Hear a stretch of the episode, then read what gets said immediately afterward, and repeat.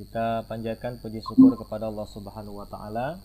Atas berkat rahmatnya malam ini kita dapat dipertemukan kembali secara daring untuk bertalabul ilmi nah, melanjutkan pembahasan di kitab Mabadi Awaliyah eh, kitab usul fikih. Nah, masuk sekarang pada kaidah yang keenam. Dari 40 nanti 40 kaidah kita masuk ke kaidah selanjutnya yang keenam. Nah, langsung saja nah, di sini dikatakan al yaqinu la yuzalu bisyakki Nah, keyakinan itu tidak akan hilang oleh keraguan. Nah, nah maksudnya nah di sini e, ketika kita sudah memiliki keyakinan terhadap satu hal, nah, apalagi kaitannya dengan permasalahan fikih ya. Kalau di dalam salat apakah batal atau tidak, nah, atau dalam puasa juga sama batal atau tidak dan segala macamnya. Nah, di sini keyakinan-keyakinan yang sudah ada pada dasarnya, nah itu tidak bisa dihilangkan karena syak Nah, yang disebut dengan syak di sini adalah uh, keraguan ya. Nah, misalkan prasangka yang lebih uh, apa istilahnya tidak lebih kuat daripada yang lain. Nah, jadi tetap yang dipegang adalah yang yakin. Nah, sekalipun keyakinan ini nantinya uh, ya lebih yakin sedikit dibandingkan pilihan yang kedua. Nah, misalkan di sini yang pertama disebutkan nah, barang siapa ragu-ragu dalam hitungan salatnya apakah tiga atau empat rakaat maka peganglah tiga karena itulah yang lebih meyakinkan. Nah, jadi maksudnya ketika apakah tiga atau empat ini nah jadi yang lebih yakin itu pasti ketika kita kepikiran bahwa yang pertama ini tiga atau empat ya. Nah berarti kan yang ragunya itu ada pada empat rakaatnya. Nah sedangkan yang yakin itu pasti tiga gitu ya karena pasti sudah dilakukan. Nah, nah maka yang meragukan ini yang empat rakaat apakah sudah masuk rakaat keempat atau bukan ya maka itu yang ditinggalkan. Ambil kemudian e, keyakinan pada tiga rakaat akhirnya kemudian nanti ditambah satu rakaat dan tetap nah nanti kalau dalam sholat ini ditutup dengan sujud sahwi. Nah sekalipun misalkan e, tidak betul-betul keliru di dalam jumlah rakaat tidak keliru dalam mengerjakan yang rukun nah tetap ketika kita ada keraguan nah itu dianjurkan untuk sujud sahwi tujuannya apa? Nah, tujuannya di sini untuk membuat setan ini tidak senang gitu. Ya, karena kan ketika kita melaksanakan sholat dan di sana e, merasa lupa ya, baik itu lupa gerakan, lupa bacaan, atau bahkan lupa jumlah rokaat, nah ini adalah salah satu dari gangguan setan. Maka ketika kita mengalami keraguan seperti itu, nah antara tiga atau empat, nah, maka dipegang yang tiga rokaatnya, nah, kemudian nanti lanjutkan satu rokaat sampai empat rokaat selesai Nah, dan tetap saja diperbolehkan dan bahkan dianjurkan sujud syahwi. Nah, tapi kalau kondisinya itu sendiri. Nah, kalau misalkan kondisinya berjamaah, nah, jadi ketika misalkan kita ragu gitu, misalkan apa jadi imam ya. Nah, misalkan ketika menjadi imam ragu tiga atau empat, ya maka di sini ya tinggal lanjutkan saja nah sholatnya. Nah, ketika misalkan toh kita keliru sebagai imam, nah ini makmum kalau dia memperhatikan, menghitungnya benar gitu ya, tidak ngelamun juga. Nah, di sini pasti akan membenarkan. Nah, jadi kalau kondisinya berjamaah, nah tinggal lanjutkan saja dilihat nanti apakah makmum ini akan mengkoreksi atau tidak. Kalau makmum tidak mengkoreksi berarti apa yang kita yakini itu betul dan kalau berjamaah ini tidak perlu nanti sujud sahwi karena kesalahannya tidak nampak. Nah, kecuali kalau kesalahannya nampak, nah dalam kondisi berjamaah baru itu yang kemudian diharuskan sujud sahwi. Tapi kalau sendirian, nah silahkan gitu ya. Nah, kenapa berjamaah tidak sujud sahwi kalau dalam ragu-ragu seperti itu? Ya karena nanti yang ragu cuman kita, sedangkan makmum ini tidak paham. Nah, kenapa kok tiba-tiba kita sujud sahwi padahal tidak ada yang keliru gitu. Nanti malah e, jadi fitnah gitu ya, menganggap nanti menambah gerakan atau apa. Nah, jadi tidak perlu kalau sedang berjamaah kecuali betul-betul nanti e, jadi salah. Nah, misalkan kita sudah berdiri di rakaat keempat uh, apa uh, harusnya duduk maksudnya harusnya tasyahud akhir di rakaat keempat malah kemudian karena ragu berdiri lagi. Nah, karena kalau sudah terlanjur berdiri maka tidak perlu duduk lagi lanjutkan sholatnya satu rakaat ketika diingatkan sama makmum. Nah baru kemudian nanti ditutup sujud sahwi. Karena apa? Kelebihan rakaat. Tapi kalau ternyata pas ini tiga atau empat ya tiga atau empat. Ternyata atau empat atau masih tiga gitu. Akhirnya langsung duduk uh, tawaruk ya nah, tasyahud akhir dan kemudian makmum juga tidak mengingatkan. Nah, makanya langsung saja itu diselesaikan sholatnya tanpa perlu sujud syahwi nah, tapi kalau betul-betul ada kekeliruan nah itu kalau dalam berjamaah yang e, baru dianjurkan untuk sujud syahwi nah yang kedua contohnya dalam kaidah keyakinan yang tidak hilang karena keraguan nah ini ketika kita dalam kondisi yang suci. Barang siapa yakin dalam keadaan suci kemudian ragu-ragu itu batal atau enggak gitu. Kita berhadas atau tidak. Padahal dalam kondisi awalnya itu kita sedang dalam kondisi yang suci. Sebelumnya sudah berwudu gitu. nah, artinya di pertengahan waktu nah pas mau sholat lagi ini ragu-ragu ini batal atau enggak ya. Nah ketika batalnya itu meragukan ya maka e, bulatkan di dalam hati ini bahwa dalam e, hal tersebut dalam kondisi tersebut nah itu kita masih dalam kondisi yang suci nah, dan secara fikihnya pun itu akan dianggap masih suci ya. Tidak perlu nanti mengulang uh, apa wudhunya sebaliknya yang ketiga nah ketika kondisi awalnya sedang berhadas nah, sedang berhadas lupa ya, tadi wudhu apa belum ya? Wudhu apa belum? Nah maka yang diambil adalah yang belum wudhunya masih dalam kondisi berhadas nah sehingga Nah, kalau dalam kondisi seperti itu kita dianjurkan untuk berwudu kembali. Karena awalnya posisinya adalah uh, sedang berhadas. Sedangkan yang sebelumnya itu posisinya memang sudah bersuci yang meragukan apakah batal atau tidak. Sedangkan kalau yang kondisi ketiga ini tadi nah dalam kondisi yang berhadas belum bersuci belum wudhu nah, dan kemudian kita ragu eh tadi itu udah wudhu atau belum ya? Nah, maka yang diambil itu yang belum wudhunya sehingga dianjurkan untuk mengulang wudhu kembali dan mengulang diambil e, mengambil wudhu kembali dan kemudian nanti kalau mau melaksanakan sholat ya tinggal laksanakan sholat. Nah, makanya tadi yang yakin itu adalah ada pada kondisi yang awal gitu lebih pada kondisi awal sehingga kondisi selanjutnya ini yang timbul keraguan. Nah ini di dalam kaidah yang lainnya bunyinya hampir serupa ya. Innama uh, sabata biyaqini la yartafi'u la illa biyaqin nah, sesungguhnya sesuatu yang tetap dengan keyakinan itu tidak akan hilang kecuali dengan keyakinan pula. Nah, jadi kalau betul-betul tadi ada satu bukti, nah bahwa dalam kondisi bersuci ternyata uh, ada buk, uh, apa?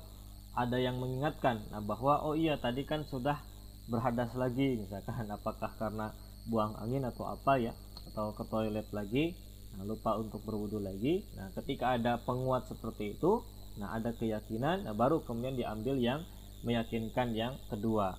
Jadi ketika dalam kondisi bersuci awalnya ragu apakah batal atau tidak, berhadas atau tidak, tiba-tiba ada yang mengingatkan, oh tadi kan tadi yang buang angin siapa gitu misalkan atau tadi kan ke toilet lagi gitu ya atau apalah. Nah, nah, maka itu berarti sebagai penguat yang diambil dengan keyakinan. Makanya tadi kaidah yang lainnya bunyinya segala sesuatu yang tetap dengan keyakinan itu nah, tidak akan hilang kecuali dengan keyakinan pula, keyakinan juga. Jadi harus betul-betul adanya keyakinan. Nah, ini sama ya, mirip dengan yang keenam. Nah, cuman ada perbedaan sedikit. Nah, kaidah ketujuh di sini al aslu uh, baqa'u ma kana ala ma. Nah, jadi asal itu al usul gitu al aslu jadi usul itu atau asalnya ya kaidah asal nah, tetapnya sesuatu atas sesuatu Nah, maksudnya gini. Nah, langsung kepada contoh gitu, supaya terbayang. Nah, ketika uh, seseorang gitu ya. Nah, kalau kita misalkan makan sahur itu di akhir malam, jadi mepet-mepet ke subuh gitu. Nah, jadi batasan sahur itu uh, subuh ya. Nah, jadi bukan 10 menit sebelum subuh gitu. Jadi yang di, dimaksud dengan al-imsak itu adalah subuh. Nah, jadi kalau kebanyakan kan di, di jadwal imsakiyah ya, Nah, itu 10 menitan sebelum subuh. Nah, padahal kita mulai berpuasa itu pada saat fajar atau subuh sampai nanti maghrib terbenamnya matahari. Nah, itu dari definisi sahurnya sendiri gitu ya. Kalau di dalam kitab Bulughul Maram dijelaskan as-saum atau asyam bil itu al-imsak. Jadi saum secara bahasa itu adalah imsak menahan. Nah, sedangkan secara istilah menahan dari makan, minum dan hal-hal yang membatalkan saum dari mulai terbit fajar sampai terbenam matahari. Artinya saum itu dimulai dari subuh. Nah, ketika kita misalkan makan sahur itu di penghujung malam, tadinya mau nyunah ya. jadi mau nyunah, jadi mengakhirkan sahur. Nah, kemudian ragu-ragu ini sudah subuh atau belum. Nah, misalkan kondisinya mati lampu sehingga nggak kedengar azan kan gitu ya. Nah, nggak kedengar azan. Nah, kalau misalkan nggak mati lampu kondisi biasa karena masjid kita sudah banyak di sekitar rumah ini pasti terdengar ada yang azan sekalipun dari jarak yang jauh. Nah, tapi ketika tidak ada kondisi mati lampu, nggak ada yang azan, nah, ini ragu. Ini udah subuh belum gitu. Udah subuh belum. Nah, nah maka e, puasanya dia tetap sah tidak dikatakan dia makan di waktu subuh sekalipun tadi ya di penghujung e, waktu sahur jadi hampir mepet-mepet ke subuh nah, jadi tetap sah puasanya. Karena apa? Tadi sesungguhnya pada dasarnya itu tetap masih malam ya masih belum subuh. Nah, jadi prinsipnya tetap saja belum subuh. Makanya sampai dulu pernah di zaman Umar bin Khattab radhiyallahu an di zaman Nabi sih kejadiannya oleh Umar bin Khattab radhiyallahu an. Nah ketika beliau ini makan gitu ya nah, makan makan nggak sadar nah bahwa ternyata waktunya itu sudah subuh bahkan. Nah, jadi betul-betul sudah subuh nah tapi Umar radhiyallahu an itu tetap beliau melanjutkan atau menghabiskan makanannya. Akhirnya diadukan kepada Rasulullah SAW nah bagaimana? Kalau seperti itu akhirnya kata Nabi ya sudah betul ya. Kalau secara umumnya dikatakan ya tetap seperti itu. Jadi habiskan makanan apa yang ada di tanganmu katanya. Nah jadi ketika kita melaksanakan sahur di bulan Ramadan ataupun di luar itu nah, setiap sahur uh, setiap mau sahur ya, ketika sahur nah jadi apa-apa yang ada di tangan kita nah ketika sudah mepet ke waktu subuh pun nah itu tetap nah anjurannya adalah dihabiskan nah, nggak usah dihentikan dan akhirnya nanti malah jadi mubazir gitu terbuang habiskan saja yang penting yang ada di tangan jangan ngambil lagi ke dapur ya nah, nah makanya dalam kondisi sahur itu uh, dianjurkan untuk selalu membawa minumnya juga nah, di hadapan kita. Jadi jangan sampai apal yang mepet-mepet ini mepet-mepet ke subuh. Nah, kita fokus dengan makanan tapi minumnya masih di dapur. Sehingga ketika sewaktu-waktu kejadian begitu masih makan tapi terdengar azan subuh. Nah, ini makanannya boleh dihabiskan cuman nggak boleh ngambil minum lagi gitu. Karena yang diperintahkan itu dihabiskan apa yang ada di tangan, bukan di dapur gitu. Jadi kalau misalkan minumnya di dapur ini repot nah, jadi nggak boleh minum nanti karena kondisinya memang sudah subuh nah, nah maka pastikan nah, ketika makan sahur seperti itu yang mepetnya ke kondisi subuh nah, mepet ke waktu subuh maksudnya nah itu makanan plus minumannya itu sudah di dekat kita nah, terjangkau oleh tangan ya. Jadi sekalipun nanti sudah mepet-mepet ke subuh nah, kan kalau yang azan juga ini beda-beda ya. Ada yang beda sekian detik bahkan sekian menit. Nah jadi ketika kita masih kondisi makan itu silahkan dihabiskan. Karena tadi kaidahnya tetap itu pada kondisi yang masih malam. Beda lagi kalau misalkan pas begitu azan ini baru makan. Itu maya jelas. Itu saumnya batal ya. Nah, dia tidak sahur gitu. Nah, dan bahkan tidak saum saat itu. Nah, kemudian yang kedua nah, masih tadi asal asalnya itu tetap uh, asal itu tetapnya sesuatu atas sesuatu. Nah, jadi barang siapa yang berbuka puasa di akhir siang, ya, kalau di sini sekarang kasusnya e, berbuka ya, nah berbuka sebelum maghrib. Kalau tadi sahur sebelum e, apa, makan sahur sebelum subuh nah, atau mepet ke subuh, nah, sekarang berbuka sebelum maghrib. Nah, makanya di sini barang siapa yang berbuka puasa di akhir siang, yang maksudnya maghrib ya, sebelum maghrib tanpa istihad, nah, kemudian ia ragu pada terbenamnya matahari. Nah, ia ragu. Ini udah maghrib belum ya? Nah, udah maghrib belum ya? Karena yang azannya juga belum atau kasusnya sama misalkan mati lampu juga. Ya karena memang e, ada ya di beberapa daerah termasuk di sini juga pas pas apa bulan puasa itu hampir sering gitu mati lampu. Bulan puasanya hampir sering. Nah mungkin ada di daerah yang pun mengalami seperti itu. Jadi terkadang kan meragukan ini apakah sudah azan atau belum gitu ya Nah, kalau yang kebiasaannya muazin, dia paham waktu azan itu nggak masalah. Nah, yang jadi masalah ini ketika orang lain kan nanti menanti-nanti uh, azan di masjid. Sekalipun sebetulnya sudah punya jadwal sholat ya, jadwal waktu sholat tetap aja kan. Nah, kayaknya kurang afdal kalau nggak mendengar uh, azan gitu. Nah, akhirnya kan dia ragu. Nah, jadi makanya tadi berbuka puasa di akhir siang dengan tanpa ijtihad atau tanpa ijtihad maksudnya kemudian ia ragu pada terbenamnya matahari, dia ragu apakah sudah maghrib atau belum. Nah, nah maka ini puasanya dia batal. nah ketika kondisi maghribnya ragu-ragu. Nah, udah maghrib belum ya? Maghrib belum ya? Makan dulu deh gitu ya. Nah sambil dia itu masih ragu menetapkan maghrib. Karena tadi tidak ada istihad. Nah seperti apa maksudnya istihad? Dia memiliki satu pengetahuan. Jadi kita ini harus pasti ya. Kita harus punya pegangan dalam menetapkan waktu maghrib. Nah jadi kalau dalam kondisi misalkan tadi apakah kondisinya eh, apa tadi mati lampu atau misalkan kita di sebuah tempat yang ternyata jauh dari masjid sehingga tidak terdengar azan nah maka kita harus punya patokan. Di antara istihad yang paling mudah untuk personal kalau kondisinya seperti itu ya kita bisa menggunakan e, aplikasi ya yang di handphone kalau sekarang jadwal salat tapi pengaturan waktunya itu sesuaikan. Jadi ikutin pengaturan operator gitu. Jangan kita atur manual. Nah itu nanti keliru. Nah jadi biarkan nanti sesuaikan dengan lokasinya harus akurat.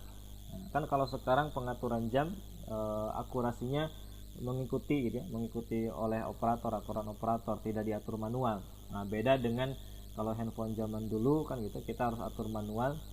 Hmm. kalau sekarang itu sudah otomatis nah, jadi mengikuti lokasi kita sudah terdeteksi sesuai dengan titiknya. Jadi sekalipun satu kota beda kecamatan itu beda hitungan menitnya. Nah, atau hitungan detiknya? Nah maka disesuaikan dengan kecamatan tempat kita tinggal kemudian titiknya di situ sudah sesuai ya. GPS-nya dinyalakan. Kemudian ada aplikasi nanti untuk e, menentukan e, memberitahu maksudnya bukan menentukan memberitahu waktu sholat termasuk sholat maghrib untuk berbuka puasa nah, nah maka itu salah satu bentuk istihad yang e, bisa kita pegang. Jadi ketika di handphone kita misalkan sudah e, asalkan sesuai tadi betul tepat tempatnya, nah, dan kemudian pengaturan sholat maghribnya juga sudah disesuaikan dengan tempat kita berada ya. Jangan misalkan tinggalnya nanti di Jakarta tapi pengaturan maghribnya Bandung ya, atau sebaliknya. Nah, jangan tapi benar-benar disesuaikan dengan tempat masing-masing. Nah, jadi kemudian dilihat saja ketika di masjid tidak ada yang azan, tapi jam Nah, misalkan di Android kita itu sudah menunjukkan waktu maghrib, ya sudah. Nah, itu berarti sudah tidak ada keraguan. Itu sudah ada ijtihad yang bisa dipegang ya. Ada ijtihad yang bisa dipegang, yang bisa membantu kita menentukan, oh ini sudah maghrib. Ya sudah makan saja. Atau terkadang kalaupun tidak dalam kondisi seperti itu, ini biasanya di tempat-tempat umum. Nah, ketika dengan keluarga biasanya uh, buka buka puasa ya bareng keluarga, tapi di mall gitu di restoran dan segala macam yang ini nggak kedengeran peringatan sholat maghribnya. Nah, ada yang ada yang apa kadang ada yang rajin gitu ya ya untuk memberitahukan ini sudah buka puasa tapi ada juga tempat-tempat yang ternyata dia tidak memberitahukan sudah tiba waktu maghrib atau belum. Atau misalkan ternyata suaranya ketutup dengan uh, suara pengunjung yang ramai. Nah itu kita tinggal lihat tadi ya. Lihat jam. Oh ternyata sudah maghrib ya. Sudah minum. Nanti yang lain juga pasti akan ngikutin ya. Karena kalau di tempat keramaian seperti itu pasti akan saling melirik dulu. Dan maghrib belum ya. Udah maghrib belum. Ketika di meja sana misalkan sudah minum akhirnya ikutan minum. Nah itu bentuk istihad kita seperti itu diperbolehkan. Nah yang tidak boleh itu tadi mengira-ngira tidak punya istihad tidak beristihad. Maksudnya dia tidak menentukan. Nah secara ilmiah apakah itu sudah maghrib atau belum dikira-kira. Kalau mau melihat matahari nggak kelihatan juga karena bukan di pantai. Kalau di pantai bisa lihat pas sunset itu pas maghrib langsung buka puasa. Nah, itu ijtihad yang paling kuat sekali gitu. Tapi kalau misalkan kita tidak melihat terbenamnya matahari nah itu bisa menggunakan jam yang sudah diatur oleh nah operator. Nah, pengaturannya disesuaikan dengan lokasi akurat kita gitu. Nah itu diperbolehkan. Kemudian yang ketiga contohnya uh, ketika nah di sini kedua suami istri nah ini hidup susah dalam waktu yang cukup lama. Jadi kalau di dalam pernikahan itu kan biasanya dibacakan sigot taklik ya. Jadi setelah ijab kabul kemudian oleh pihak KUA ini ayo mau dibaca sekarang apa enggak? Nanti aja sendiri gitu. Nah, biasanya kebanyakan baca sekarang untuk sigot taklik. Dan di situ ada ketentuan nah, 3 sampai 4 hal ya di antaranya seperti apabila Eh, saya kata suami ini meninggalkan istri selama sekian bulan. Berturut-turut dan istri tidak ridho maka jatuh talak saya. Yang kedua misalkan tidak memberikan nafkah sekian bulan nah, atau misalkan e, menyakiti istri dan semuanya nanti kondisi istri tidak ridho maka di dalam sigot taklid tersebut dikatakan jatuh talak saya. Maksudnya sigot taklid ini ketika dilakukan oleh suami nah maka si istri ini boleh uh, melakukan khulu atau gugat cerai kepada suaminya. Nah ini makanya contohnya ini suami istri dia hidup susah dalam waktu yang lama kemudian istrinya ini menggugat suaminya. Nah, karena dalam waktu tersebut ini tidak pernah memberikan pakaian dan juga nafkah. Pakaian makanan berarti tempat tinggal ya tiga hal nafkah tersebut. Nah maka ucapan yang dipegang ini pasti adalah ucapan si istri. Nah karena tadi kondisi pakaian nafkah itu berada pada tanggungan suami dan suami dalam kondisi waktu yang lama tersebut tidak dapat memenuhi keduanya nah, makanya tadi hal-hal yang terpenuhi atau menjadi diperbolehkan istri ini yang melakukan hulu atau gugat cerai kepada suaminya nah itu ketika si suami melanggar apa-apa yang sudah dia baca di dalam sigot taklik gitu. Nah, maka diperbolehkan. Nah, maka ketika diadukan ini ke pengadilan agama pun itu pasti akan dipegang uh, perkataan si istri, nah, bukan suami gitu ya. Nah, karena itu tadi dalam kaidah uh, usul fikihnya ya apa-apa yang menjadi ketetapan di awal itu itulah yang kemudian nanti dipegang.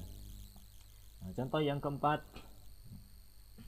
Nah, di sini contoh yang keempat Nah, ada suami istri yang berselisih gitu ya, bertengkar tentang masalah tamkin. Nah, jadi tamkin ini eh, kesempurnaan dalam apa hubungan ya suami istri. Nah, di mana nanti si istri ini mempunyai kewajiban untuk melayani suami. Nah, kemudian suami ini merasa si istrinya tidak pernah melayaninya. Nah, nah maka ucapan tersebut nanti yang dipegang ucapan suami.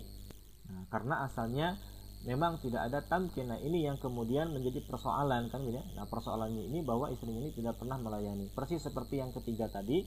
Nah ketika kondisinya suami yang tidak menafkahi nah maka ketika istri mengadukan itu maka itu yang dipegang. Suami ini juga sama ketika ternyata istrinya tidak melayaninya dalam beberapa waktu yang sangat lama dan kemudian suami ini melakukan gugatan cerai gitu ya bukan gugatan cerai langsung menceraikan misalkan. Dan ketika diadukan kepada pengadilan agama pun itu pasti yang dipegang adalah ucapan suami. Karena hukum asalnya kondisi awalnya itu memang tidak ada tamkin. Jadi tidak ada e, bentuk pelayanan istri kepada suami. Nah, maka ketika si istrinya seperti itu artinya dia telah berbuat nusyuz ya. Itu nanti dijelaskan ada di Quran surah An-Nisa 34 kalau nggak salah gitu. Nah, terkait dengan nusyuz nah, maka tidak wajib nanti bagi suami untuk memberikan nafkah gitu, kepada istrinya karena sudah nusyuz tadi. Nah, karena nafkah itu wajib jika adanya tamkin di mana si istri ini bisa memenuhi kewajibannya kepada suami. Di antaranya melayani suami tidak membentak tidak melarikan diri gitu ya tanpa alasan yang syar'i dan segala macamnya. Itu jadi dikembalikan kepada kondisi awal.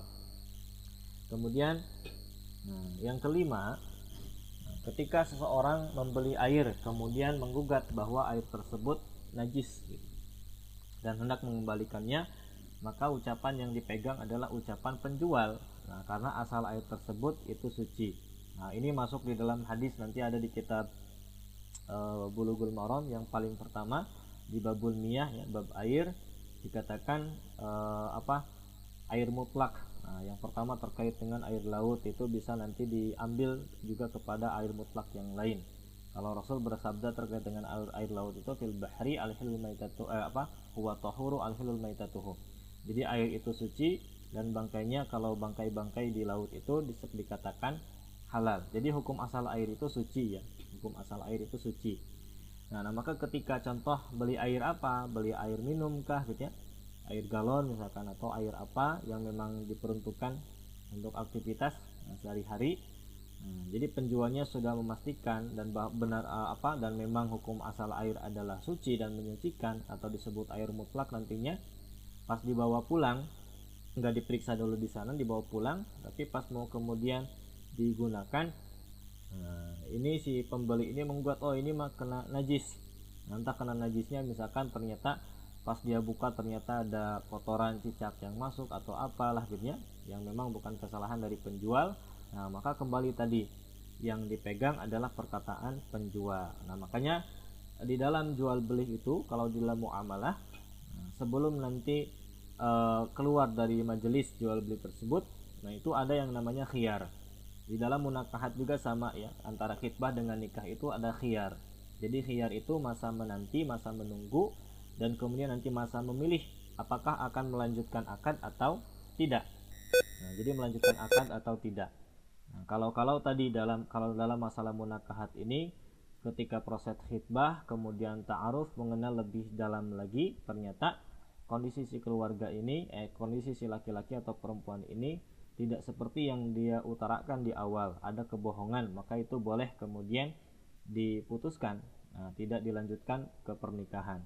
Dalam jual beli juga sama ketika sudah uh, deal maksudnya si pembeli ini penjual ini sudah menawarkan barang dia sudah menjelaskan deskripsinya dengan jelas. Nah, kemudian si penjual si pembeli ini dia melihat barangnya. Nah, di situ sebelum terjadi akad atau setelah terjadi akad, terjadi akad ini nanti ada garansi misalkan yang diberikan itu juga termasuk di dalam khiyar. Nah, setelah terjadi akad tapi kemudian belum meninggalkan majelis, ini juga bisa kemudian diperiksa kembali dan itu ada masa khiyar. Ya, jadi masa khiyar ini bisa disebabkan karena belum berpindah majelis, belum meninggalkan majelis jual beli tersebut atau misalkan memang ada garansi yang diberikan oleh penjual nah, itu ada masa khiyar yang diperbolehkan dalam syariat jadi boleh diperiksa gitu ya di tempatnya nah, kalau kalau ada kerusakan kalau ada yang buruk barangnya boleh dikembalikan saat itu juga. Tapi kalau sudah deal sudah terjadi ijab kabul tidak diperiksa dulu kemudian dia bawa pulang ke rumah dan tidak ada jaminan garansi setelah itu masa khiyarnya selesai. Nah, nah maka yang dipegang ini kalau ada apa-apa itu adalah perkataan penjual. Nah, maka e, di situ ya, nah kita harus eh, betul-betul memperhatikan gitu, nah, memperhatikan e, cara dalam aktivitas baik berjual beli ataupun yang lain.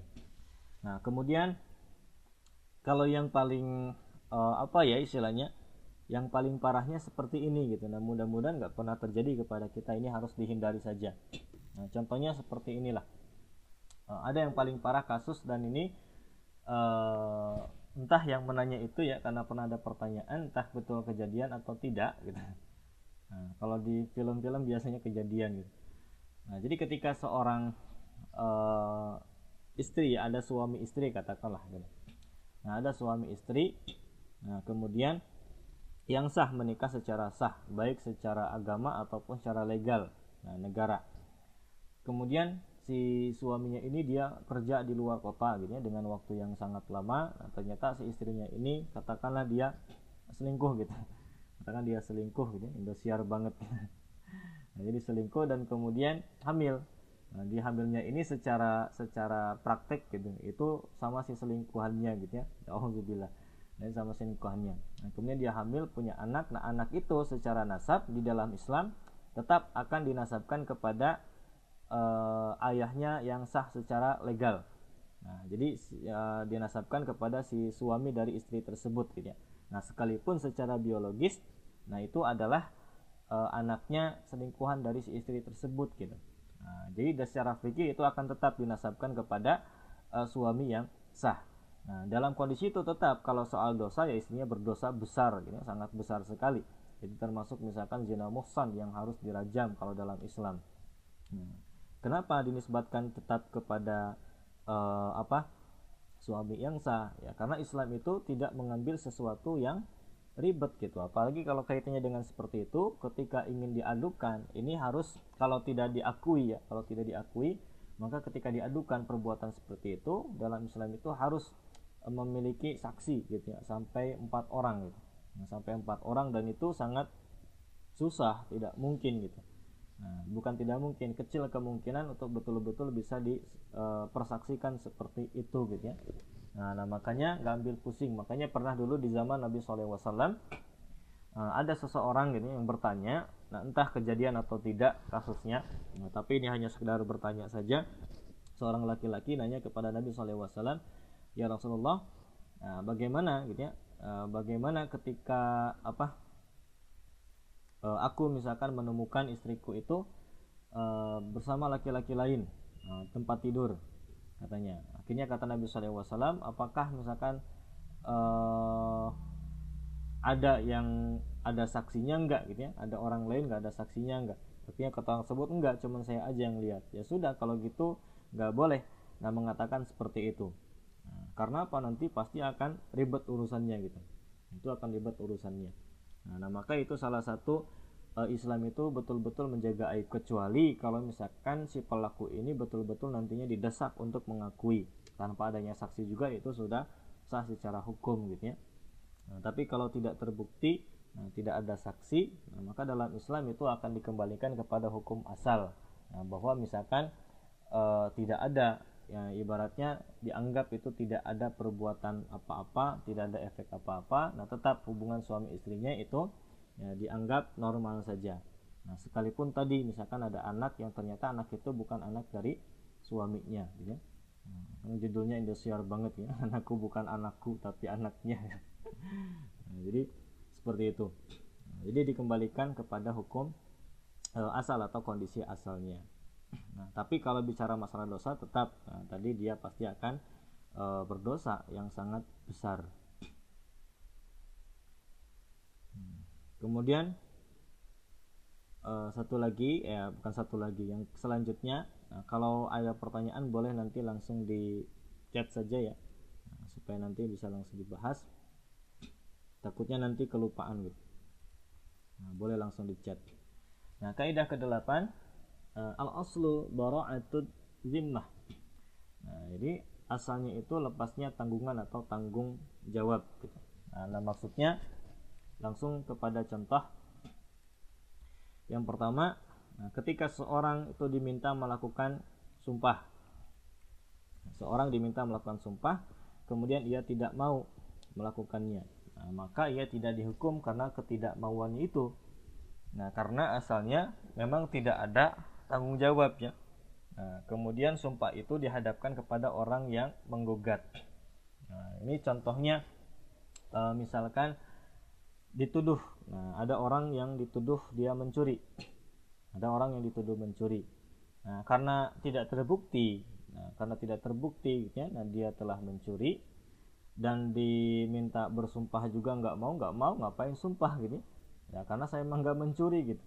Nah, akhirnya dikembalikan. Nah, akhirnya si yang tertuduh ini dia tidak dihukumi apa pun. Nah, tidak dihukumi gitu karena tidak mengakui atau tidak mau bersumpah tadi. Nah, jadi karena kan memang tidak ada pertanggungjawaban. Hukum asalnya memang dia dalam kondisi biasa.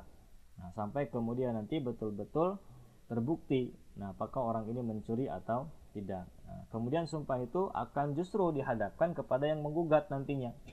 Nah, jadi akan menggugat Nah, bener nggak gitu kamu ngelihat nah karena kembali nah ini Islam itu luar biasanya sangat betul-betul menjaga aib seseorang jangan sampai nanti uh, ada uh, main tuduh gitu ya. Nah belum terbukti. Nah malah kemudian uh, nama orang ini yang menjadi buruk gitu. Nah makanya sumpah ini malah akan dikembalikan kepada orang yang menggugat ya coba kamu yang bersumpah bahwa dia telah melihat gitu. Nah, bahwa dia telah mencuri bahwa di, uh, orang tersebut ya yang menggugat ini dia harus bersumpah bahwa dia melihat langsung bahwa orang ini mencuri. Nah, itu kan pasti.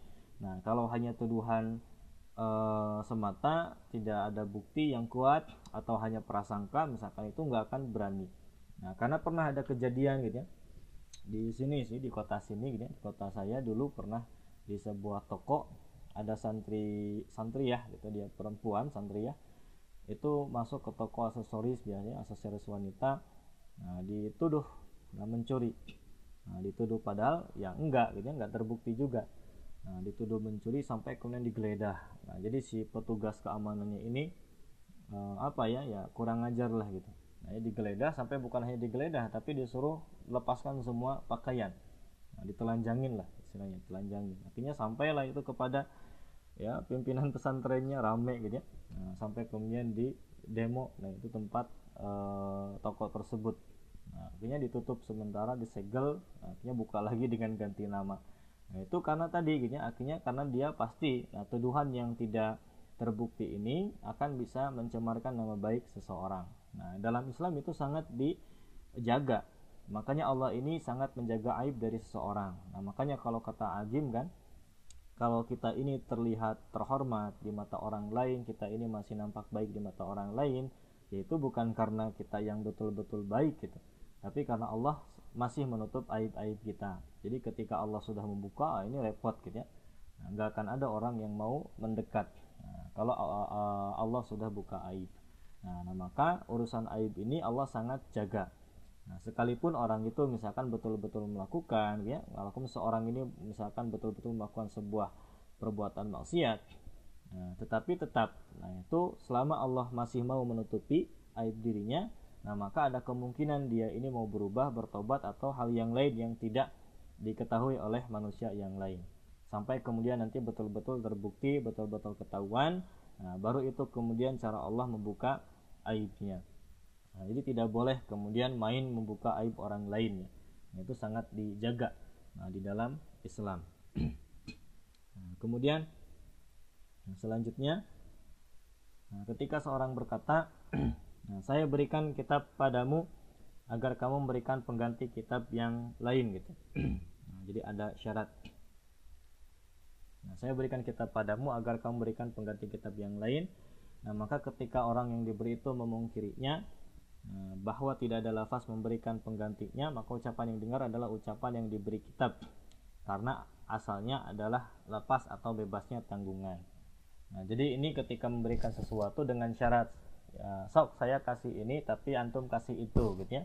Nah, jadi ketika pertama dia memberikan dan ternyata e, orang yang diberi ini nggak ngasih lagi sesuai dengan perjanjian awal, anggaplah misalkan ini di dimusyawarahkan. Itu yang akan dipegang yang orang kedua tadi orang yang diberi. Nah, karena apa? Tidak ada bukti tidak ada perjanjian. Nah, dan hukum asalnya dalam setiap uh, apa aktivitas hibah pemberian itu nah, itu uh, tidak boleh uh, apa tidak mengharuskan ada syaratnya tidak mengharuskan ada syarat jadi dikembalikan sekali lagi ke ke, ke hukum atau ke kondisi yang awal Nah, makanya ketika ada perjanjian-perjanjian yang memang sifatnya itu urgen atau sangat penting, nah maka Islam itu mengajarkan dengan sesuatu yang tertulis. Nah, makanya contoh utang piutang ya, apalagi utang piutang. Bahkan di dalam Al-Qur'an itu dituliskan di ayat terpanjang di surat terpanjang Al-Baqarah 282 satu halaman full itu membahas utang piutang. Allah memerintahkan kalau punya utang piutang harap dicatat Nah, karena kesalahan kebanyakan orang ini yang punya utang, urusan utang ini tidak dicatat, tidak ada saksi, sehingga ketika orang banyak nyelak gitu ya, nah ini nggak punya bukti apa-apa. Nah, kapan mau bayar kan udah, padahal belum, nggak ada bukti juga berupa catatan. Ini repot gitu ya. Nah, di dunia memang itu bisa dia yang menang. Nah, tapi ketika di akhirat tetap saja ya, yang namanya dosa eh, persidangan Allah memang itu pasti paling adil lebih adil. Nah, makanya tapi ketika di dunia ini nah itu akan dihukumi berdasarkan kondisi yang juga tadi nah, harus memenuhi kaidah-kaidah di dalam fikih. Nah, yang ketiga nanti sebelum ini ada pertanyaan masuk. Kita lihat dulu ya. Nah, jika dua orang berselisih nah tentang harga barang yang dipinjam, disewa maksudnya, kemudian dia rusak Nah, jadi agar orang yang merusaknya mengganti sesuai dengan harganya. Nah, nah maka ucapan yang didengar adalah ucapan orang yang meminjamkan karena asalnya ia lepasnya tanggung apa ialah lepasnya tanggungan dari apa pun yang melebihi tuntutan yaitu harga barang. Nah, jadi misalkan di sini ada yang punya barang, yang kedua yang nyewa barang. Nah, dia sudah gini akadnya ijarah nyewa barang. Nah, tapi pas mau dikembalikan ini ternyata barangnya rusak Nah, di perjanjian awal misalkan kalau barangnya rusak dan karena keteledoran pemakai gitu penyewa, nah maka harus diganti sesuai dengan nilai barang. Kemudian nilai barangnya ini ada perbedaan. Nah, kata si yang punya barang ini harganya sekian, misalkan katakan harganya ini satu juta. Nah, tapi orang ini yang nyewanya ngelak, oh ini mau bukan satu juta, delapan ratus ribu, atau lima ratus ribu, jauh gitu ya. Nah, nah, maka yang dipegang ini adalah yang uh, punya barang tersebut. Karena tadi ya pasti kalau yang namanya dia punya salah ya ya dia penyewanya dia merusak nah, maka dia akan bisa saja melakukan e, cara-cara yang buruk lah supaya tidak mau mengganti rugi. Karena hukum asalnya si pemilik barang itu kan tadi ya nah itu hukum eh, apa ah, kondisi asalnya dia punya barang yang utuh maka harus kembali juga dalam kondisi yang utuh gitu ya nggak perlu lebih ataupun nanti kurang juga apalagi kan nggak boleh nah, jadi harus pas seperti itu. Jadi dikembalikan nah untuk kaidah yang ke-8 ini tadi. Jadi ketika seorang memang terlepas dari sebuah tanggung jawab, nah, maka tidak e, perlu dipaksakan dia memiliki tanggung jawab gitu. Nah, ini tadi. Kemudian di sini ada pertanyaan dulu. Nah, nah kalau istrinya mengaku ya kasus yang tadi di kaidah ke tujuh Nah, kalau istrinya mengaku bahwa memang anak itu hasil dari selingkuhan, walau tidak ada saksi, apakah anak tersebut masih tetap dinasabkan kepada suaminya yang sah? Nah, dan terkait dengan wali nikah karena itu nantinya, nah, maksudnya anak perempuan yang butuh wali nikah nanti pada saat dia dewasa. Nah, ketika ada pengakuan, kemudian si suami ini saking kubaiknya, saking kubaiknya, saking kesabarnya, entahlah gitu ya, nah, uh, super soleh misalnya, akhirnya menerima ya udah nggak apa-apa lah dimaafkan misalkan. Dimaafkan. Ada nggak ya seperti itu? Dimaafkan. Nah, maka tetap itu ya tetap saja itu secara nasab akan dinasabkan kepada suaminya yang sah. Nah, sekalipun ada pengakuan. Jadi pengakuan ini tidak mengubah uh, masalah kenasabannya. Nah yang mengubah kenasaban ini ketika misalkan si istrinya mengakui bahwa anak ini adalah anak dari selingkuhannya nah kemudian suaminya ini tidak terima dan dia menceraikan. Akhirnya diceraikan maka nasab kepada suami yang tersebut terputus maka anak ini nah, menjadi nasabnya ke ibunya. Nah, tidak kepada ayah biologisnya. Nah, jadi disebut binti ibunya ya nah, maka anak perempuan ini nanti dia terputus nasab dari siapa pun nah, jadi karena terputus nasab dari siapa pun Nah, kalau seandainya laki-laki pun gini, ya, kalau perempuan kan pasti nanti pas menikahnya kalau dia tidak punya nasab kepada ayah, Nah, maka menikahnya ini diwalikan oleh wali hakim, wali nikah. Nah, jadi di pihak KUA maksudnya, oleh wali hakim dari pihak KUA dan disebutkan nanti binti ibunya. Jadi nggak boleh binti ayahnya. Nah, kalau misalkan kondisi si suaminya ini nggak nerima ya. Nah, ketika dia sudah jujur, nah, mengakui kesalahannya, minta maaf, oke dimaafkan, tapi misalkan diceraikan. Nah, maka anak tersebut terputus nasabnya dari siapa pun. Tidak kepada suaminya yang sah, tidak juga kepada laki-laki selingkuhannya. Jadi terputus.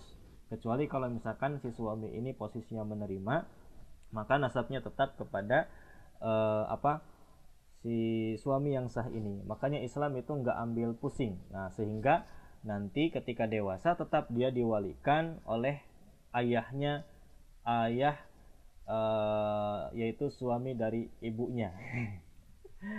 Ini kan gitu ya. Kalau judulnya kan sebetulnya ayahku bukan ayahku ayahku bukan ayahku tapi ayahku suami dari ibuku repot jadi tetap itu dinasabkan kalau secara syar'i tetap dimas kalau diterima ya sekali lagi itu tetap dinasabkan kepada ayahnya nah, ayah sesuai dengan uh, maksudnya suami dari ibunya nah, sekalipun itu bukan anak dari suami dari ibunya Nah, tapi dinasabkan dan dia berhak terhadap waris. Kalau anaknya laki-laki juga nanti dia berhak mewalikan e, kepada adik-adiknya saudara-saudaranya yang perempuan. Nah, tapi kalau misalkan anak laki-laki ini tidak bernasab kepada siapa pun, tadi kondisinya diceraikan, maka nanti si laki-laki ini juga tidak bisa menjadi wali terhadap saudara-saudaranya yang perempuan. Hmm, jadi gitu ya. Nah, jadi bukan berarti kalau anaknya laki-laki ini bebas dari masalah, enggak gitu ya. Nah, enggak Nah, tapi tetap saja nanti repotnya adalah saudara-saudara perempuannya yang lain. Misalkan ketika ayahnya sudah tidak ada, meninggal, nah nggak punya kakek, sudah meninggal juga kakeknya, saudara laki-lakinya ternyata tidak bernasab nah, kepada saudara-saudara kandungnya sendiri. Nah, itu maka tidak boleh mewalikan, akhirnya saudara-saudara perempuannya ini nanti menikah, dinikahi oleh uh, walinya itu adalah wali hakim, itu dari pihak KUA. Jadi tergantung nanti posisinya apakah dimaafkan atau tidak ya tinggal itu Ya, bagaimana kalau sudah ceraikan dan menikah dengan suami selingkuhannya karena anak itu sudah berumur tiga tahun sama tetap tidak tidak bernasab kepada uh, ayah biologisnya tadi. Nah, jadi tidak bernasab ya karena uh, itu lahirnya duluan lahir daripada menikah. Nah, jadi duluan lahir daripada menikah. Nah, makanya ada kondisi uh, apa ya kalau kondisi fikih kontemporernya gitu. Kalau mengikuti syariat itu repot pasti gitu ya. Udah harus dihukum had atau uh, apa namanya? Rajam gitu bahkan karena sudah menikah. Muson ya. Zina muson. Nah jadi kalau misalkan kondisinya gini jadi ada katakanlah gitu seorang bukan seorang jadi sepasang ya. Nah, artinya ada seorang wanita dia berzina dengan laki-laki dan berzina cuma sama si laki-laki itu saja dan kemudian sampai hamil. Nah ini katakan dia sebelumnya nggak punya suami lah. Kalau masalah punya suami tadi ya sudah clear. Nah dia berzina dengan seorang laki-laki itu sampai hamil. Nah, dan kemudian tidak dulu dinikahi tidak dinikahi sampai nanti melahirkan. Nah jadi ketika si anak ini lahir karena si ibunya ini nggak menikah sama laki-laki tersebut maka terputus nasabnya. Sekalipun tadi pas begitu lahir baru dinikahi ini terputus nasabnya jadi dia tidak bernasab kepada ayahnya sekalipun betul ayahnya secara biologis dan tidak memiliki hak waris dari ayahnya. Jadi itu. Nah, kecuali kalau misalkan kondisinya seperti ini. Nah, ketika dia uh, tapi pastikan ya nah misalkan betul-betul dia hanya melakukan gitu Eh, dengan si orang tadi gitu. artinya dia bukan seorang pelacur katakan. Nah, jadi e, berzina bukan berarti nggak berdosa ya berdosa tetap. Ini kita tidak bahas dosanya nah itu mah sudah pastilah nah, kemudian nah pas ketika ternyata ketahuan hamil gitu nah untuk menutupi aibnya ini buru-buru nikah. Nah tapi nggak ada orang yang tahu. Nah, jadi orang nggak tahu pokoknya nikah aja gitu. Nah dan ternyata pas lahir karena lahirnya itu lebih dulu nikah daripada lahir nah, maka si anak ini akan bernasab kepada ayahnya. Nah, jadi kondisinya seperti itu.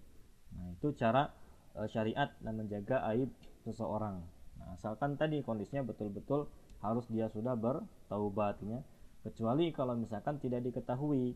Nah misalkan ini ayahnya siapa gitu. Nah kemudian dia main nikah aja dengan yang lain gitu ya pas sebelum melahirkan. Nah ini si anak ini nggak akan gitu ya. Nah, secara syar'inya itu tidak akan di apa bahkan tidak diperbolehkan kalau kondisi seperti itu. Misalkan si perempuan ini dia e, luar biasa ya aktivitas maksiatnya gitu. Nauzubillah nah artinya dia berzinanya lebih dari satu laki-laki. Akhirnya itu anaknya nggak tahu anak siapa gitu. Nah nggak tahu anak siapa maka tidak boleh dia menikah sampai si apa si bayi itu lahir. Nah, sampai si bayi itu lahir. Supaya itu tidak rancu nanti nasabnya ke siapa. Gitu. Nah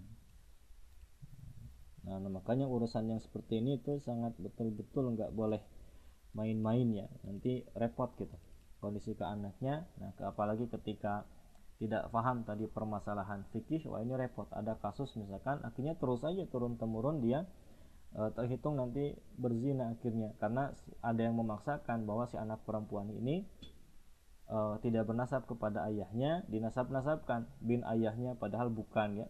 Nah, ayahnya menikahnya setelah dia lahir. Akhirnya karena anaknya perempuan nanti diwalikan oleh ayah yang bukan uh, yang tidak ada ikatan nasab makanya berdosa. Ya, pernikahannya tidak sah dan sekalipun legal secara agama tapi tetap secara syariat itu terhitung zina karena pernikahannya tidak sah. Terus saja gitu nggak akan ada habisnya. Sampai nanti kemudian orang tuanya ini jujur nah, kepada si anaknya. Nah akhirnya nanti bisa diperbaiki. Nah akhirnya walinya harus wali kemudian wali hakim dari pihak KUA. Intinya ribet lah gitu nah mudah-mudahan kita dijauhkan. Nah dengan hal-hal yang semacam ini gini anak-anak kita pun ini dijauhkan dengan aktivitas yang luar biasa sangat menyeramkan gitu ya nah, makanya harus betul-betul dijaga terlebih lagi anak perempuan laki-laki juga sama sih gitu. nah, harus betul-betul kita jaga kita protek. Nah, jangan sampai terjatuh kepada uh, lembah maksiat yang seperti itu. Amin. Ada lagi kita lanjutkan dulu. Yang tadi sudah jelas ya? Amin salam ya. nah, di sini selanjutnya kaidah ke-9 nah, sebutkan kaidahnya adalah ini pendek juga. Al aslu uh, eh, al aslu al adam jadi segala sesuatu asalnya itu al adam gak ada gitu. Maksudnya segala sesuatu ini usul ya nah, jadi hal yang paling mendasar itu tidak ada nah, ini contoh nah ucapan pelaku kirot nah, jadi kirot nah, ini pemberi modal untuk berdagang dengan memperoleh bagian keuntungan nah, ini uh, dalam akad syirkah mudharabah gitu. Syirkah mudharabah ada kirat yaitu pemberi modal. Nah, pemberi modal. Nah, kemudian Nah, ucapan eh, pelaku kirot ini itu dibenarkan ketika ia berkata nah, tidak ada untungnya. Nah, tidak ada untungnya karena asalnya adalah tidak adanya keuntungan. Ya, karena nanti dalam dalam akad muamalah itu jadi secara prinsip ada dua ya. Nah, jadi akad muamalah itu secara prinsip ada dua. Nanti yang pertama disebut dengan tabarru. Nah, jadi tabarru, tabarru itu asas tolong menolong.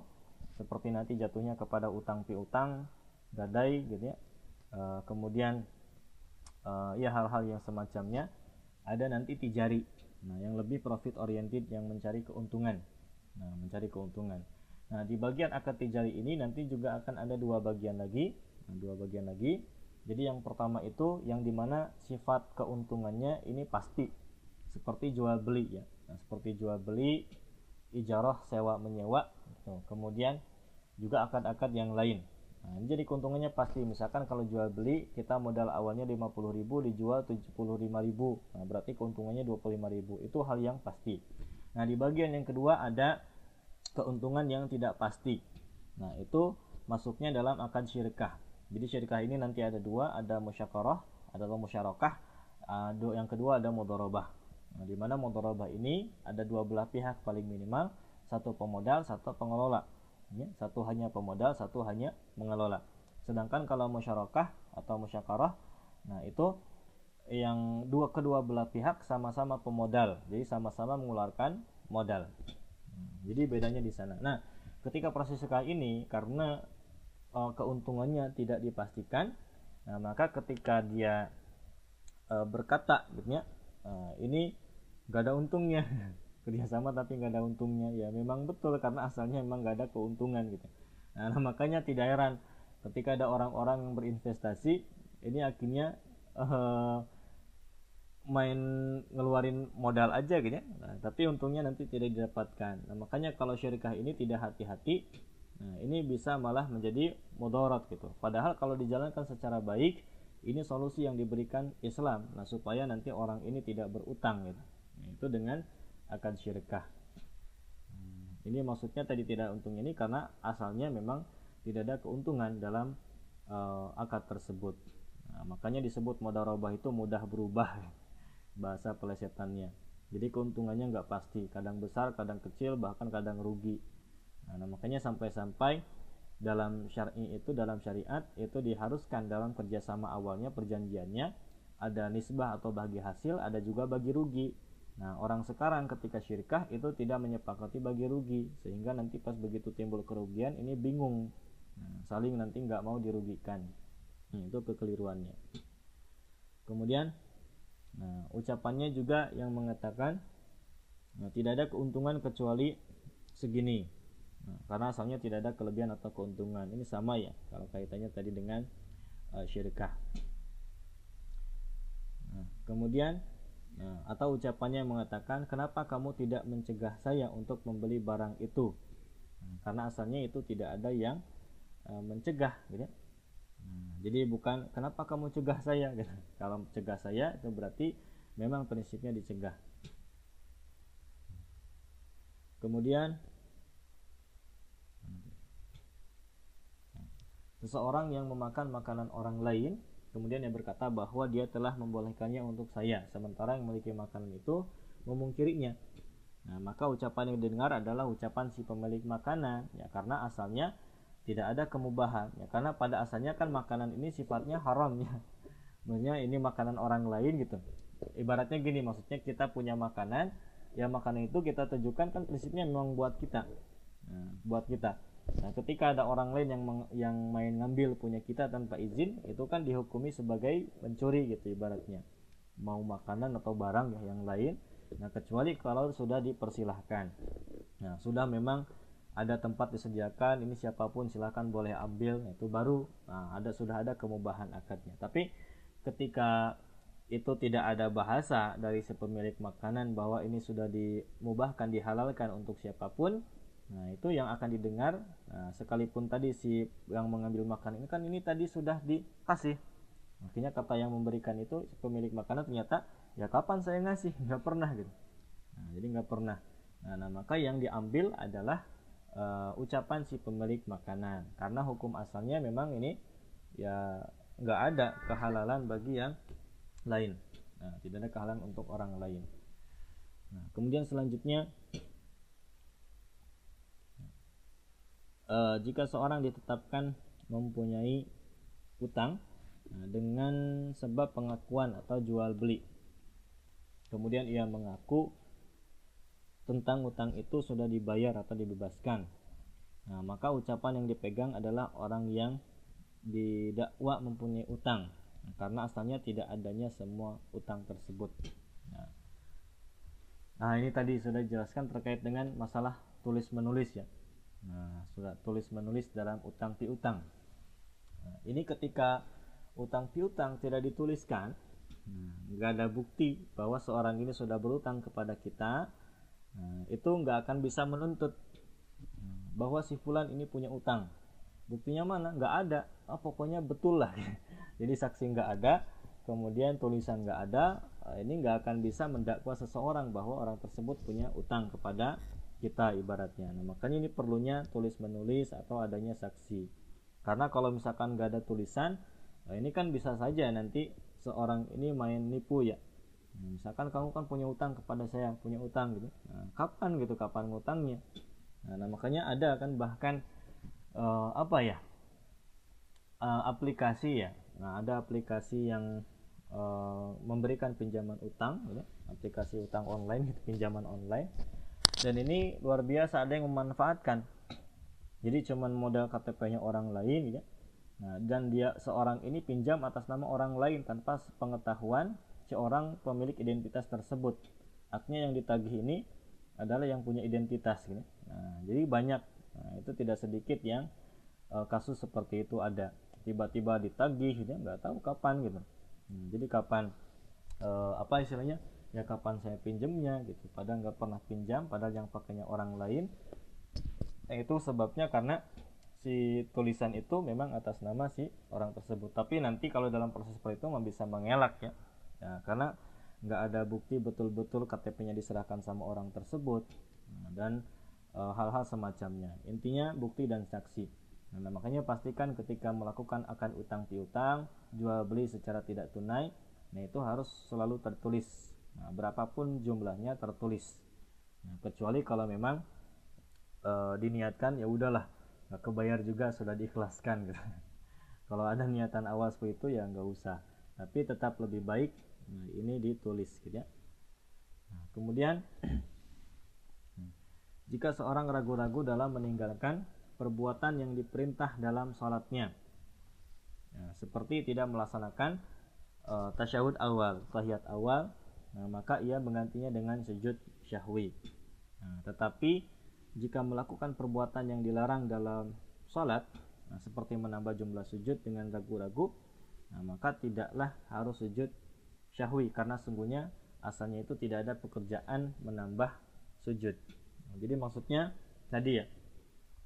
Nah, di sini yang pertama meninggalkan perbuatan yang diperintah nah, dalam sholat. Nah, jadi ketinggalan tadi tahiyat awal. Nah, sekalipun uh, tahiyat awal ini tidak termasuk kepada rukun tapi sunnah muakkadah. Nah, jadi ini yang membedakan antara mana sholat fardu, mana sholat sunnah. Makanya di sini dikatakan ia mengganti dengan sujud sahwi tidak diperintahkan menambah rokaat ya. Nah, dalam kaidah fikihnya.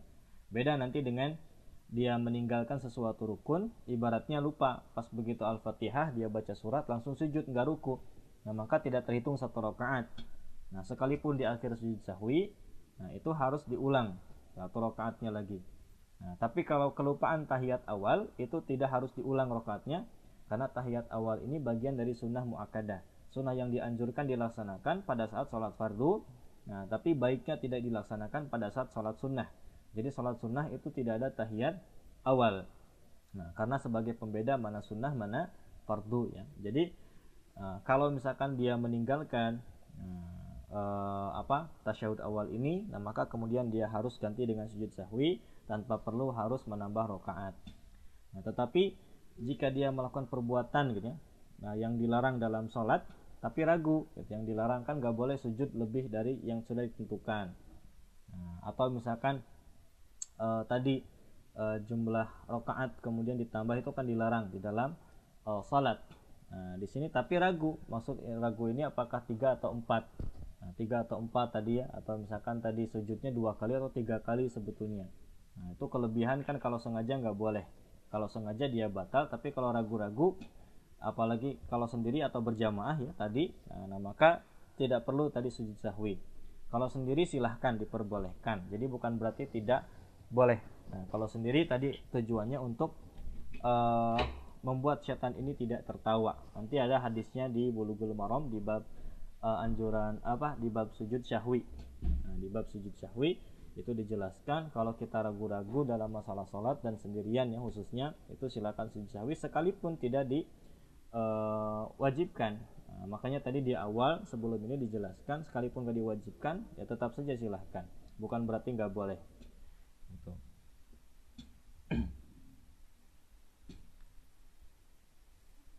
Silakan sampai situ. Kalau ada pertanyaan diperbolehkan.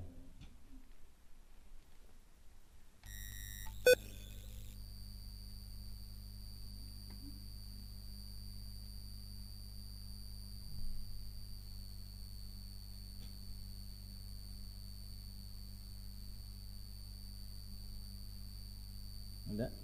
Kalau yang tadi gimana? Sudah jelas atau ada pertanyaan? Silahkan dari 6, 7, 8, 9 ya. Ada empat kaidah dan itu agak-agak mirip.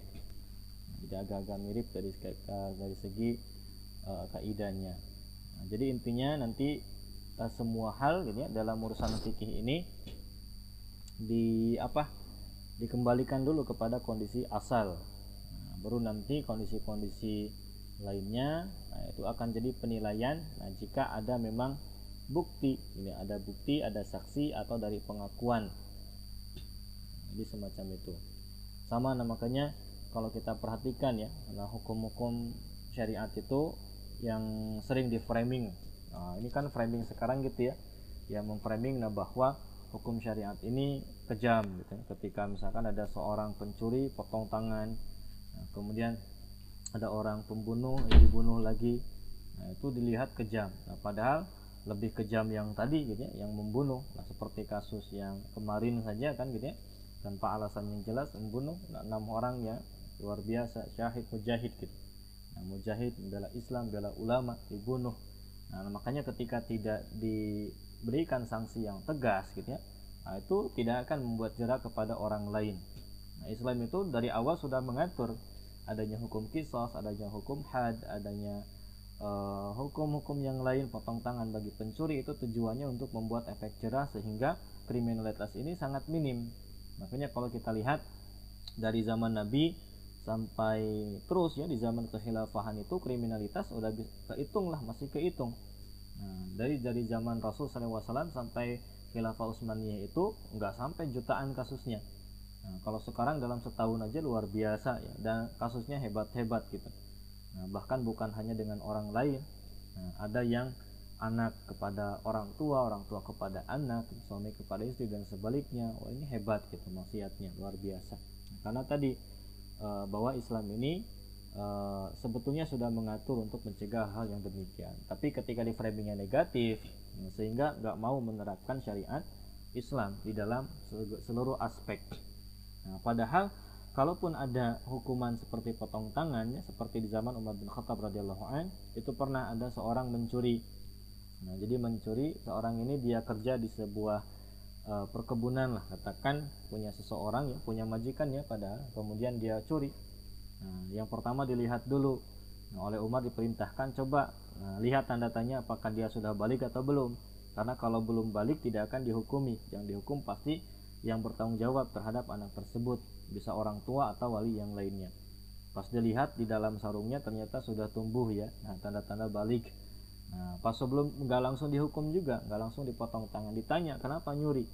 Pengakuannya ya karena saya udah beberapa lama nggak dibayar nggak digaji sama majikan saya. Wah itu langsung yang dimarahi malah majikannya gitu ya nah jadi sekalipun ada hukuman-hukuman yang tegas nah makanya Islam ini nggak semena-mena nggak langsung kemudian menetapkan begitu melihat kasus secara zahir langsung dihukumi. Enggak. Tapi harus betul-betul ada persidangan yang adil. Makanya seluruh saksi seluruh bukti-bukti itu dikumpulkan dan kemudian dilihat secara adil baru dikeluarkan nanti fatwa hukumnya seperti apa. Nah, jadi tidak sembarangan. Nah, dan se, se apa sebaik-baik nanti pengadilan itu ya pasti pengadilan di sisi Allah Subhanahu wa taala. Nah, makanya kasus yang kemarin kita doakan saja yang terbaik ya. Nah, tetap nanti ya, mereka yang berbuat zalim sedemikian lupa itu tidak akan bisa mengelak, tidak akan bisa membuat alibi di hadapan Allah Subhanahu wa taala. Nah, ini makanya ada sangkut paut sebetulnya dengan permasalahan hukum karena memang hukum fikih luar biasa ini kalau di pelajari itu akan membuat kita semakin memahami ya, bahwa Islam itu sangat begitu kompleks, sangat begitu mengatur nah urusan kita dari hal yang kecil sampai hal yang besar. Dan bahkan tadi yang sudah disampaikan itu bisa sangat menjaga aib dari setiap muslim. Nah, jadi termasuk nah makanya di dalam uh, kelas online ya para rumah tangga pranikah ada pertanyaan gitu ya nah, meskipun ya pasti bukan dari pengalaman dirinya cuman pengen tahu aja nah, ada pertanyaan apakah misalkan ketika dalam masa ta'aruf nah, apakah kita harus memberitahukan ya aktivitas dulu itu seperti apa? Nah misalkan ketika berpacaran dulu apakah pernah dikatakan gitu atau misalkan pacarannya ngapain aja ini harus disampaikan kepada calon pasangan atau tidak? Nah, itu Islam tidak mengajarkan untuk membongkar aib. Nah nggak boleh. Ya udah close aja apa yang sudah lalu biarkan berlalu. Yang penting dia bertobat sungguh-sungguh kepada Allah Subhanahu wa taala. Nanti Allah akan jaga aibnya nah kalau misalkan bertobat Allah akan berikan sesuatu yang terbaik. Allah berikan ampunannya. Nah makanya sangat dicela justru orang yang membongkar membongkar aibnya sendiri. Jadi ketika misalkan uh, ada dalam sebuah hadis mengatakan yang paling buruk itu dia yang bermaksiat malam hari gitu dia bermaksiat malam hari kemudian Allah sudah jaga aibnya eh siang harinya dia berbangga dengan kemaksiatannya. Nah, dikatakan disebarkan kepada yang lain oh saya malam sudah gini gini gini gini nah, itu luar biasa. Allah sudah jaga aibnya malah dia bongkar. Nah, malah dia bongkar kepada yang lain. Nah Islam tidak mengajarkan yang demikian. Jadi apa pun masa lalu yang sudah dilaksanakan nah itu cukup keep sendiri saja gitu ya. Nah, cukup keep sendiri saja kecuali nanti yang memang memerlukan fatwa hukum di balik itu nah, maka ceritakan secara private rahasia. Nah, tidak boleh nanti di depan umum. Nah, jadi semacam itu itu ya ada beberapa ke kesimpulan yang bisa kita ambil ibroh juga pelajaran nah, dari kaidah uh, yang tadi kita bahas gimana ada pertanyaan atau sudah cukup jelas